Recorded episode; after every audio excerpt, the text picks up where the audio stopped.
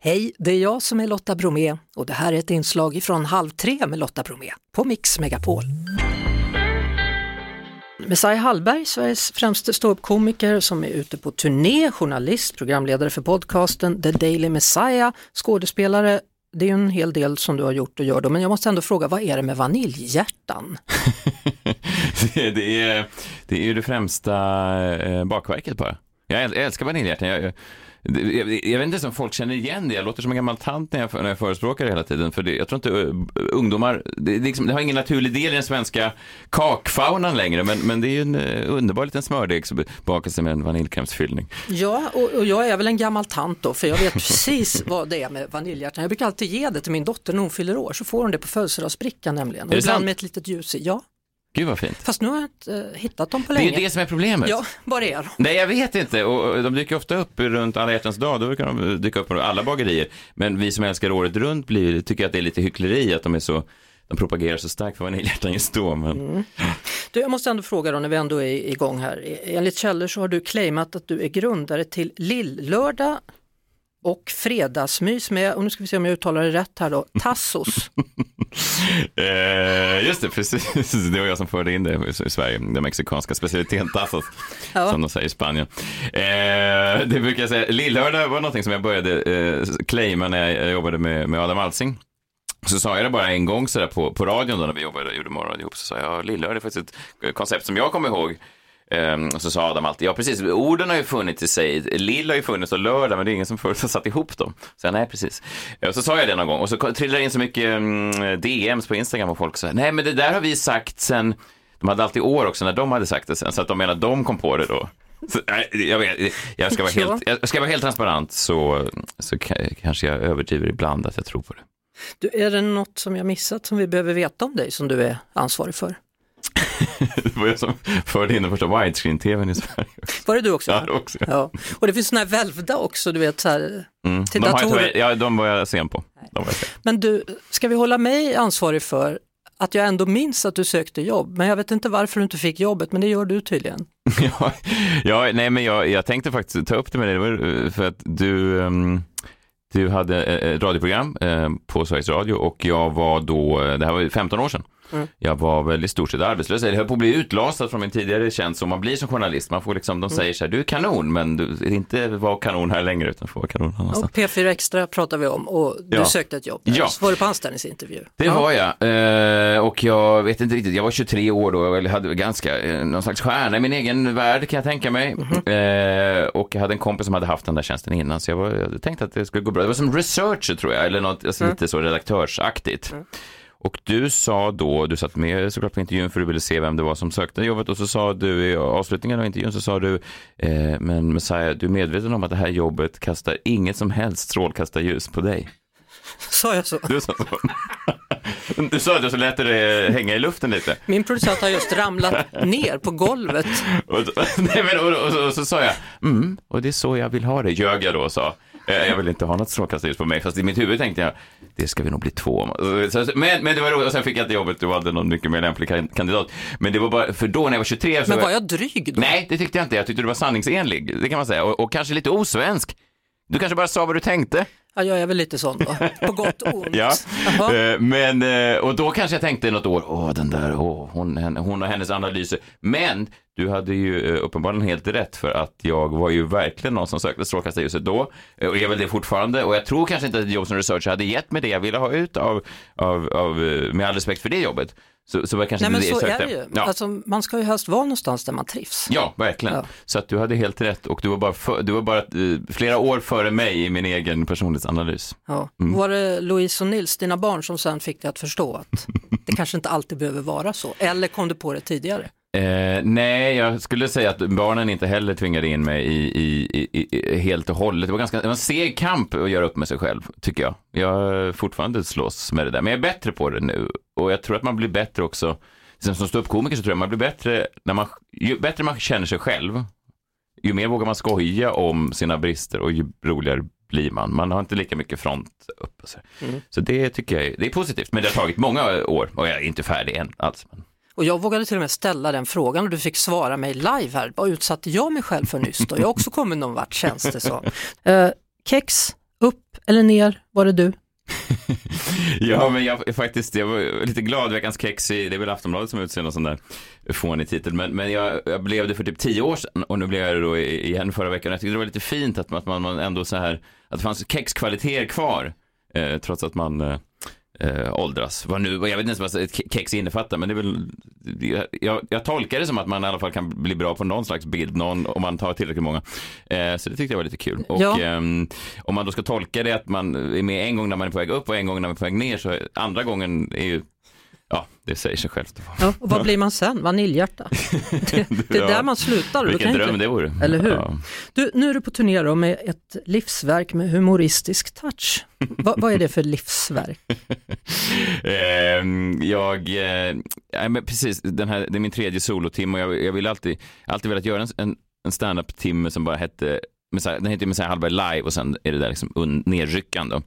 Och jag tycker, jag vet inte, ja, det, är jag, det är jag live och sen tycker jag det är kul att säga ett livsverk som är ganska pretentiöst i sig. Och sen är det också kul att kalla en standup-show att den bara har en humoristisk touch, att det finns en touch av humor i den här liksom 70 minuters showen. Så, så vad är eh, den humoristiska touchen i det här fallet? Den humoristiska touchen är att jag, eh, den, den, tar avstamp i ett ganska mörkt år i mitt liv när jag eh, förlorade en nära vän som jag gjorde radio med.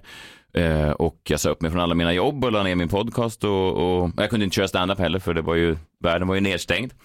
Eh, hur jag då liksom försökte använda humor. Då började jag skriva på den här showen och, och, och så skadade som vi komiker är, eller vissa komiker, eller jag är, så använder man liksom humorn, kommer in ganska snabbt. Man kan stå, jag minns jag stod på min pappas begravning och, och liksom antecknade ner lustiga saker som hände även där, även om det var den mörkaste dagen i mitt liv. Och, och sådär. Så då började jag skriva ner det här manuset och det är väl det låter inte så, jag tror inte det drar in folk i teatern när jag säger det, men det är väl lite hur man kan använda humor som en räddningsplanka i livet. Så, det låter mer som en föreläsningsturné hör jag nu, men, men det, det är det showen är. Ja, vi kan väl stanna till där. Det var ju tuffa år under pandemin, sorg, ångest utan ventil. Du var nära Adam Alsing, det är honom du pratar om. Eh, ja, det, det, är det. Jag, jag, jag, nämner honom i showen bara som en vän just för att man inte ska bli sådär att jag inte ska bli för, jag vet inte, stjärnorna på slottet fiera mig själv, liksom sådär, eh, så. För det var ju, men, men, men det blev ju någonting, min pappa var också en, en under, i underhållningsbranschen, han var skådespelare. Och sen när han dog så tänkte jag, vad lämnar han efter sig? Och sen när Adam dog så tänkte jag, vad lämnar han efter sig? Och det finns någonting i det där när man ger sitt liv till en, en bransch som egentligen ganska, ganska snabbt bara vänder blad och går vidare. Sådär. Som jag också pratar om och skojar om i den här showen. Det, det... Men vad betydde Adam för dig? Nej, men han var ju som en mentor liksom, i, i den här världen av um, kommersiell radio. Eh, så hade jag gjort det innan och kanske gjort det, om jag ska vara helt ärlig, ganska mycket för att det var bra betalt och för att jag, som jag varit inne på tidigare, jag tycker om att höras och synas och, och dra lite vitsar och sådär. Men jag kan aldrig känna att jag bottnade i det och sen så kom han in och efter liksom nästan en sändning ihop så kändes det som att man hittade, jag vet, det, jag idrottade ganska mycket när jag var yngre och ibland så hittar man bara spelare som man kände så här att man, man behövde inte ens eh, titta upp. Man kunde slå en passning och så plötsligt så stod han där då eh, och, och tvärtom. Att man, och, och, så var det att jobba med, med Adam mycket, att man, eh, man kunde, om jag tryckte på någonting så backade han och, och tvärtom och humoristiskt. Man bytte roller in och ut och så där. Det var ett väldigt fint samspel och jag hade aldrig upplevt det i den här kommersiella radiovärlden mm. tidigare för jag hade känt att det var ganska ibland lite glättig och inte så där betydde så mycket kanske. Uh, um, mm. Så att han gav mig en, ett mentorskap eh, på något sätt. Och det tror jag många kände för honom. Det var inte att jag var unik på något sätt. Han var unik i det avseendet. Han, han kunde... var oerhört unik. Ja. Jag, jag, träffade honom också vid flera tillfällen och inte minst när han fick ta emot pris. Samtidigt som jag tog emot ett pris då, motsvarande kat kategori. Just det, liksom. ni var ju prenumererade på de där ja, Vi gjorde ju det ett tag där. Men, men apropå det där att, att inte bara försvinna det är ju väldigt fint här mm. på, på Mix Megapol och alla mm. radiostationer runt omkring. Det finns ett sammanträdesrum som heter Adam Alsings rum, det vet mm. du? Mm. mm. Jag har sett det och eh, jag har... Eh, har du gått in i det? Jag har gått in i det, jag har till och med haft möten i det. Men ehm, ja, det är en fin, eh, en fin tanke. Sen är det svårt för ett sammanträdesrum att fånga en så stor personlighet, men det är, det är ett fint Han är försök. i alla fall med. Ja, han är i alla fall med och jag ja. tror att han är med i, i anden mycket. Liksom. Så jag med. Du är eh, ute på turné, hur hittar du det du vill berätta om?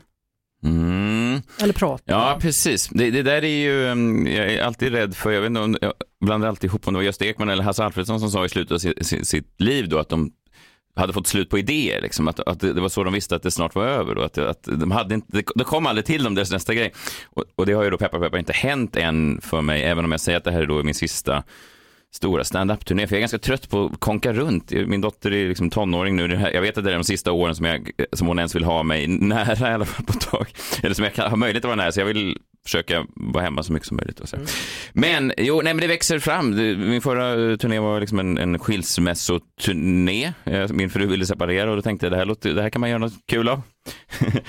så det var naturligt. Och här hände det också att eh, min, min, min kompis eh, dog och jag sa upp mig från mina jobb och så tänkte jag, ja, jag kan liksom inte processa saker på så mycket, många andra sätt. Man har ju olika uttrycksformer. Är man, eh, är man författare så antar jag att man skriver en bok om det. Men jag är ju då en, liksom en stand-up-komiker, någon slags könsvitsare och då är det det man försöker um, uh, det är så man försöker. Men, men, du vill att det ska skava lite? Ja, jag tycker om det. Jag tycker om stand-up uh, som så man kan göra stand-up som liksom Johan Glans också, var mycket, långt mycket roligare än vad jag är, alltså rent sådär, alltså ni vet, om påsk och ägg ser roliga ut och sånt där. Det är ju jättekul, men jag tycker också om när det är sådär att folk sitter och skruvar på sig lite och att när det är, ibland är mörker och ljus. Och, Fast det, alltså för mig, mm. så, det, för mig är det ju humor. Alltså, ja, när det finns en svärta i det man gör. Ja, för mig också. Ja. Men, men jag tror att så här, det finns ju en, finns ju en anledningen till att, att Stefan och Christer har gått så bra i, i alla år, att det finns liksom en, en, i den svenska folksjälen finns det också en, en längtan efter det som